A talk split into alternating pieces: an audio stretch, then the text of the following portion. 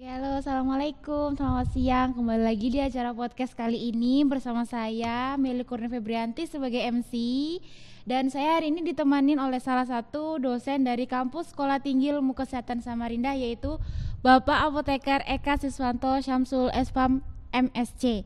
Nah, di podcast kali ini kita akan membicarakan tentang gimana sih tips jadi seorang penulis itu untuk para pembacanya itu biar makin termotivasi pada saat membaca buku kita. Oke, uh, sebelum kita bertanya-tanya langsung kepada beliau, saya di sini akan membacakan biodata dari beliau.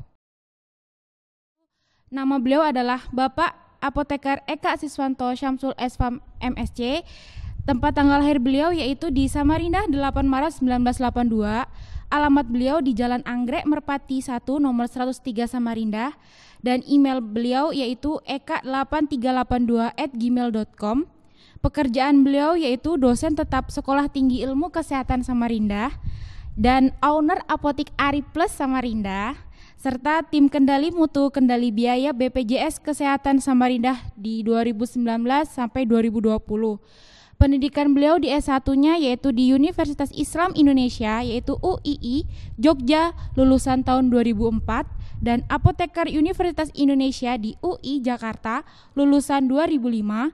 Kemudian di S2-nya beliau di Universitas Gajah Mada UGM Jogja lulusan tahun 2012. Nah, beliau ini sangat banyak banget pengalamannya di dalam organisasi. Yang pertama yang jelas pada saat ini beliau menjabat sebagai ketua IAI di Samarinda di tahun 2019 hingga sekarang. Dan juga beliau sebagai pengurus ISMA Farsi yaitu Ikatan Senat Mahasiswa Farmasi di seluruh Indonesia di daerah Istimewa Yogyakarta, Jawa Tengah tahun 2002 hingga 2014 dan juga Sekretaris Komisariat ISMA Farsi Universitas Islam Indonesia tahun 2002 sampai 2004 dan Wakil Sekretaris ISFI sekarang IAI atau Ikatan Apoteker Indonesia Samarinda di tahun 2005 sampai 2010 dan juga Sekretaris Bidang 3 ISFI Kaltim tahun 2005 sampai 2010 serta Kabit Pengabdian Masyarakat Pengurus Daerah IAI Kaltim tahun 2010 sampai 2014 kemudian Pengurus Masjid Darul Falihin Samarinda 2014 sampai sekarang dan Kabit Pendidikan dan Pengabdian Masyarakat Pengurus Daerah IAI Kaltim 2014 hingga sekarang dan Wakil Ketua IAI Samarinda dari tahun 2014 sampai 2019. Nah, beliau ini banyak banget buku yang sudah diterbitkan. Bisa kita lihat ya di sini banyak banget dari buku fiksi dan non fiksi. Dari buku non fiksinya sudah ada enam buku yang beliau terbitkan dan yang fiksinya ada dua. Mendingan daripada kita penasaran, uh, langsung aja kita tanya ke bapak.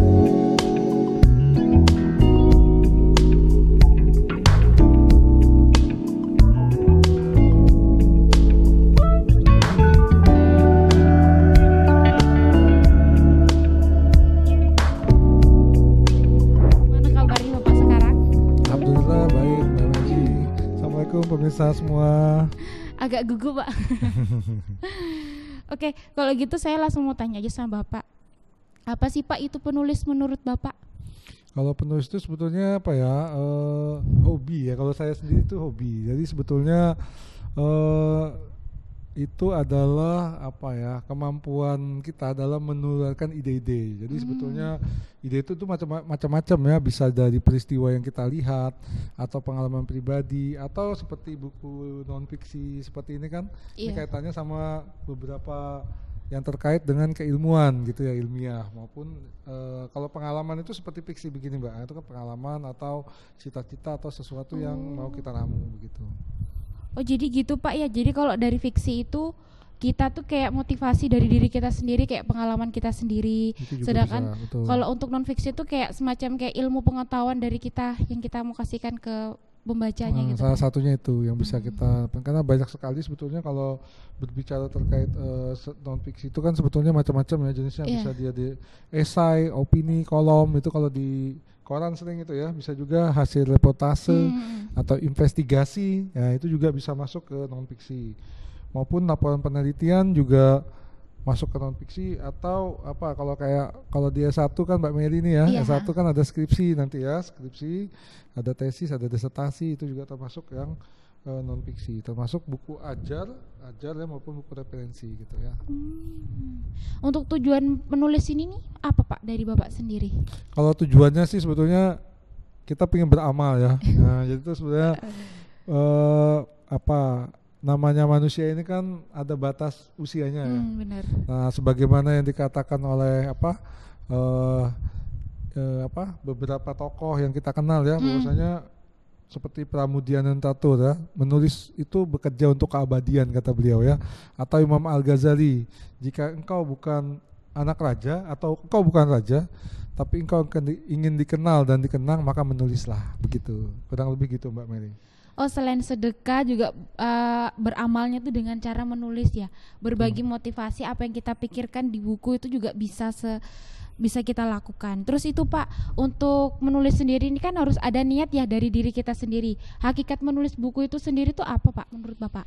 Kalau hakikat menulis buku itu ya sebetulnya kalau eh, apa ya itu hakikatnya itu adalah bagaimana kita mampu kan mentransfer ilmu yang pun kita punya milikin ke orang lain gitu Hmm. ya itu kalau dia terkait dengan bidang yang hubungannya non fiksi gitu kan atas pengetahuan yang selama ini kita rangkum dari proses belajar berinteraksi maupun yang lain gitu ya Hmm, gitu. jadi itu sebetulnya, tapi hasil akhirnya sebetulnya lebih kepada kita ingin beramal ya. Jadi ilmu itu dipakai orang itu adalah kesenangan ya, kesenangan bagi kita. Semoga apa yang kita tuliskan bisa berguna bagi orang lain. Sebagai contoh nih, saya menarik ini buku statistik farmasi ini. Saya niatnya memang kalau orang melihat statistik itu kan ribet ya, Iya, kalau di farmasi kan. kalau akhirnya kayak buat merangkum apa statistik farmasi ada dua dua buku jenisnya ya ini sama ini ini kebetulan ditulis bersama istri saya nih waktu itu eh, jadi ini tentang metodologi penelitian kemudian disertai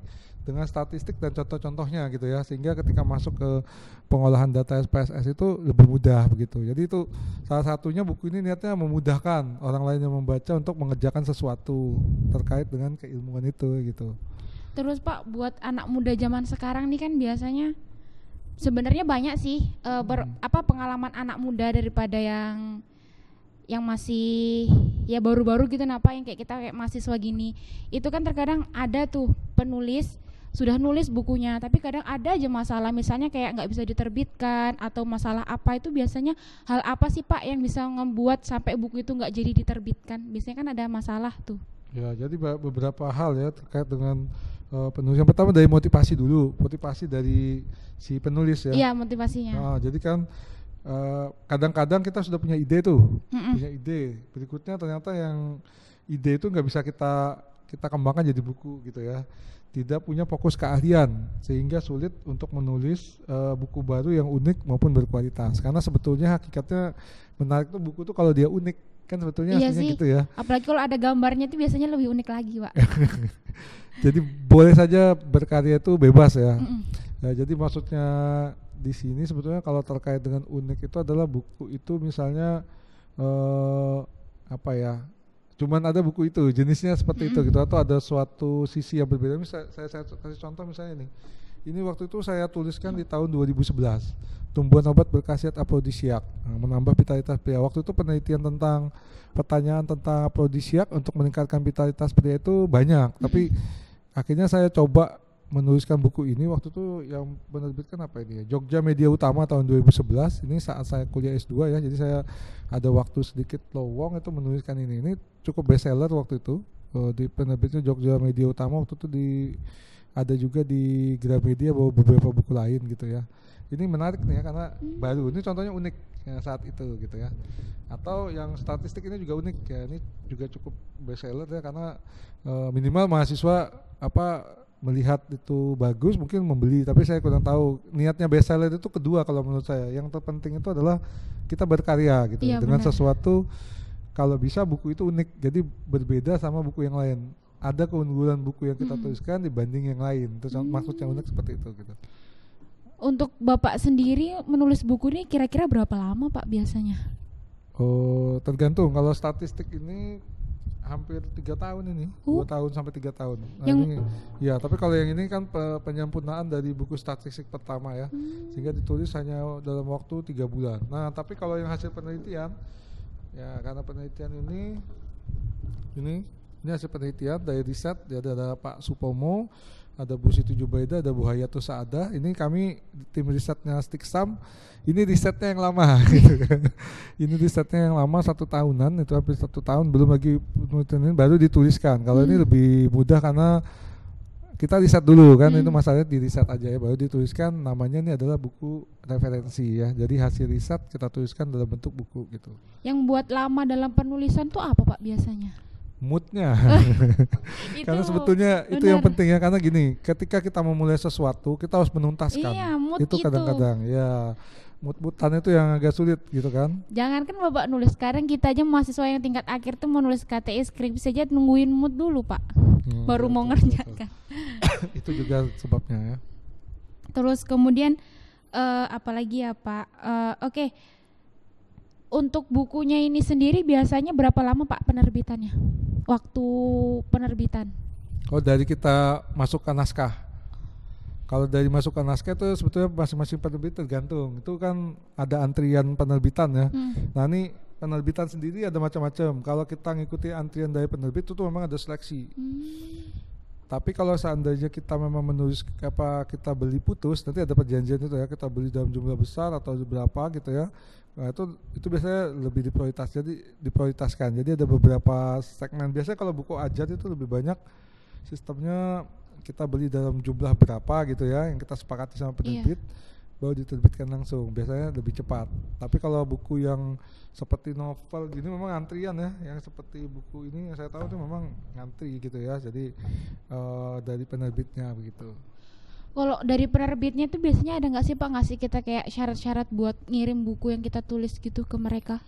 kalau itu sih ada segmennya ya memang penerbit itu ada beberapa pakai segmen tapi ada juga makanya kita cari ini penerbitnya umum yang jelas syaratnya adalah dia anggota IKAPI ya Nah, IKAPI. IKAPI Ikatan apa Penerbit Indonesia ya Oh, gitu. itu ada penerbit yang sudah nom IKP-nya itu sudah tidak be- tidak luasa ada yang masih luasa. Kita cari yang yang masih gitu ya sehingga sehingga buku itu nanti sesuai gitu. Karena saya pernah punya pengalaman itu men- dipikir itu anggota IKP masih aktif ternyata tidak aktif. Akibatnya yang terjadi nomor ini ini ada nomornya ya. Nah ini ada nomornya ISBN ISBN-nya itu ternyata nomor saya tuh tidak tercatat di perpustakaan nasional itu pernah terjadi. Tapi ini semua alhamdulillah sudah tercatat di perpustakaan nasional. Jadi kalau kita lihat oh ya tercatat begitu karena seperti itu ya. Jadi buku-buku Bapak ini ada nggak kalau kita cari kayak di Gramedia, di toko-toko buku gitu Pak? Kalau untuk Gamedia itu yang saya tahu cuman yang ini ya, kemarin. Ini beberapa tuh belum ya, tumbuhan obat berkhasiat afrodisiak ini. Kalau yang lain nanti kita coba masukkan juga mungkin ya, karena sebetulnya kemarin kita ada belinya kan eh, dalam jumlah putus gitu ya. Mm-mm. Jadi ada penerbit tuh yang tergantung perjanjiannya ya. Hmm. Ada beberapa juga yang mungkin yang di daerah mana ya Sulawesi yang dia masukin juga ke sana. Nah itu ada juga yang dia masukin. jadi penerbit itu beda-beda. Ini kan kami banyak penerbit, nggak cuma satu penerbit. Gitu. Terus Pak, biasanya kan kalau nerbitkan buku tuh nggak cuma satu ya Pak. Jadi kalau Bapak ngirimkan ke penerbitnya tuh satu buku dulu, apa nanti ada kabar nih dari penerbitnya, oh bagus Pak bisa buat lagi untuk sekian buku gitu, gimana Pak?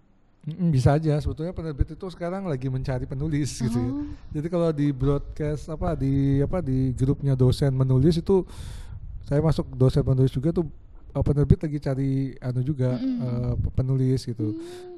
Kalau itu yang terkait grup dosen. Kalau yang di umum juga ada. Kami saya juga ada nih namanya ini komunitas penulis online. Nah ini itu juga oh tapi terkait lebih banyak memang ke fiksi ini saya gitu ya. Itu juga sama. Sebetulnya Indonesia tuh sebetulnya lagi banyak memerlukan banyak penulis gitu. Semakin banyak buku yang dit- dituliskan, Makin banyak maka inspirasi. makin banyak. Benar. Jadi jangan khawatir dengan kehabisan ide karena sebetulnya eh, selama manusia itu hidup gitu ya Mm-mm. akan ada muncul inovasi-inovasi baru gitu. Sama halnya seperti obat. Mungkin Mbak apa Mary kan mikirnya gini ya. Ini obat ini sampai kapan obat itu ditemukan Hmm. gitu. Sekarang lagi musim Covid gitu kan. Iya bener Pak. Akhirnya naik daun penemuan obat gitu ya, menemukan obat, vaksin dan sebagainya. Sebetulnya Covid itu menurut saya hanyalah sebagai pemicu. Saya ulang pemicu saja, pemantik saja gitu manusia sejak zaman diciptakan pertama sampai nanti mungkin akhir zaman itu terus akan menemukan obat. Kenapa gitu? Karena selama manusia itu hidup, kesehatan itu penting. Sehingga inovasi obat akan terus. Ya, dan kebetulan ini pemantiknya sekarang adalah covid. Nah gitu begitu Jadi kayak penemuan vaksin segala tuh jadi pemantiknya dari COVID itu, Pak ya. ya salah satunya tuh pemantiknya covid. Kalaupun nggak ada covid tetap aja kita akan Iya sih, menemukan obat benar. lagi. Kenapa? Karena sebetulnya kalau kita lihat dari survei WHO eh, dari 100% manusia yang betul-betul sehat itu berapa persen? Yang betul-betul sehat itu hanya sekitar eh, lima persen. Oh. 20 persen itu sakit sementara lap- 75 persen itu sehat bermasalah misalnya dia sehat tapi dia ada kolesterolnya Iya, dia benar. sehat ada diabetesnya Ada semurat, ada tekanan. nah itu kan artinya sehatnya bermasalah Ah. gitu Oh gitu. Terus dari Bapak menerbitkan buku ini biasanya kan ada keuntungan sama kerugian nih Pak. Mm. Biasanya yang keuntungan dan kerugian yang Bapak dapatkan tuh apa?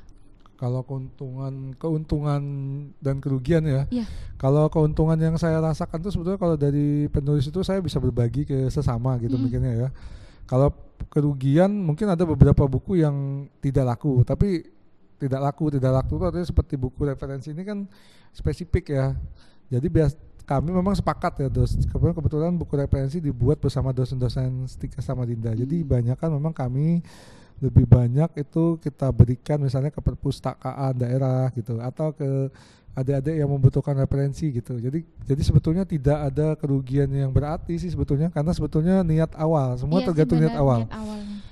Kalau misalnya adik mau mau tanya pun bagaimana orang-orang tuh kok bisa jadi bestseller? Iya Pak, biasanya Ya kan, kan? banyak banget bestseller tuh. Oh, oh.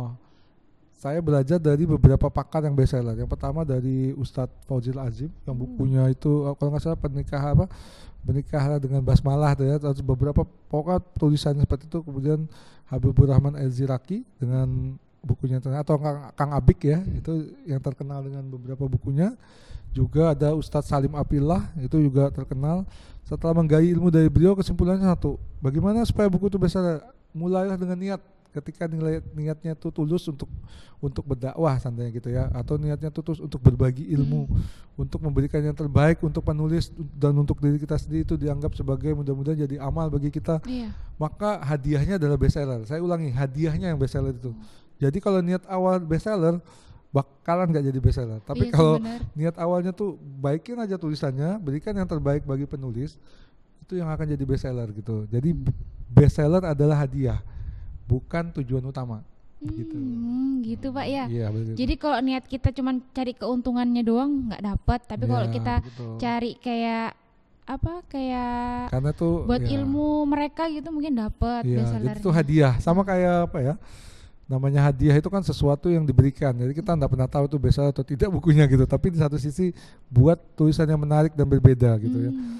karena tujuan komunitas-komunitas ini saya pernah ikut komunitas menulis online. Saya juga ikut waktu mengkal pena dulu waktu jadi mahasiswa. Pernah juga ikut apa ya eh, beberapa apa yang lain-lain ya jenis-jenis perkumpulan seperti itu ya itu tujuannya apa sebetulnya dibuat perkumpulan agar memberikan tulisan berkualitas sebetulnya musuh kita bersama adalah munculnya tulisan-tulisan baik dia di media sosial maupun di apa eh, maupun buku-buku yang dituliskan tidak berkualitas seperti mengandung misalnya unsur-unsur pornografi Hmm. atau porno aksi maupun unsur-unsur yang lain gitu kan artinya yang tidak mendidik generasi muda maka muncullah komunitas-komunitas seperti ini dengan tujuan apa membuat buku yang berkualitas diharapkan nanti muncullah generasi emas bangsa Indonesia karena tulisan-tulisan yang dihasilkan buku-buku yang berkualitas yang menambah pengetahuan atau memberikan motivasi atau membuat memberikan akhlak-akhlak nilai-nilai luhur Mhm. dari sebuah tulisan begitu. Hmm, gitu. Ya.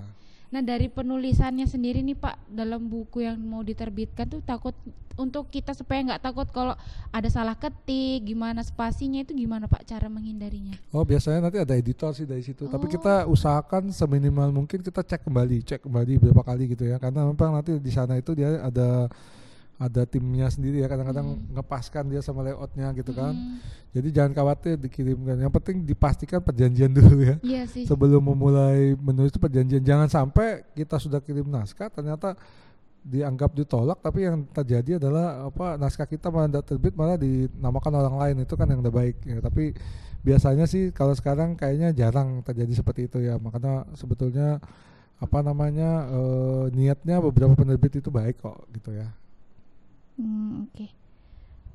Eh gini Pak, motivasi deh Pak buat saya sama pemirsa yang lagi nonton supaya bisa menjadi penulis yang bisa buat buku yang bestseller gitu gimana Pak? Bisa Motivasi- bestseller. Iya, Tapi kalau yang pertama niat dulu tadi iya Mbak. sih benar niat Ya, dulu. Jadi ya niat dulu. Jadi sebetulnya niat yang baik sebetulnya bestseller bonus sekali lagi Hmm. jangan dibalik ya. Jadi niat pertama, niat. Baru bestseller. Nah, nanti kalau bestseller itu adalah bonus saja ya. Kemudian mewariskan eh, semangat menulis buku pada kolega dan teman-teman. Jadi gini, kita tujuan kita menulis itu kan sebetulnya berbagi ilmu gitu ya. Hmm. Jadi pesan generasi muda sebelum menulis pasti harus membaca kan. Iya gitu. benar.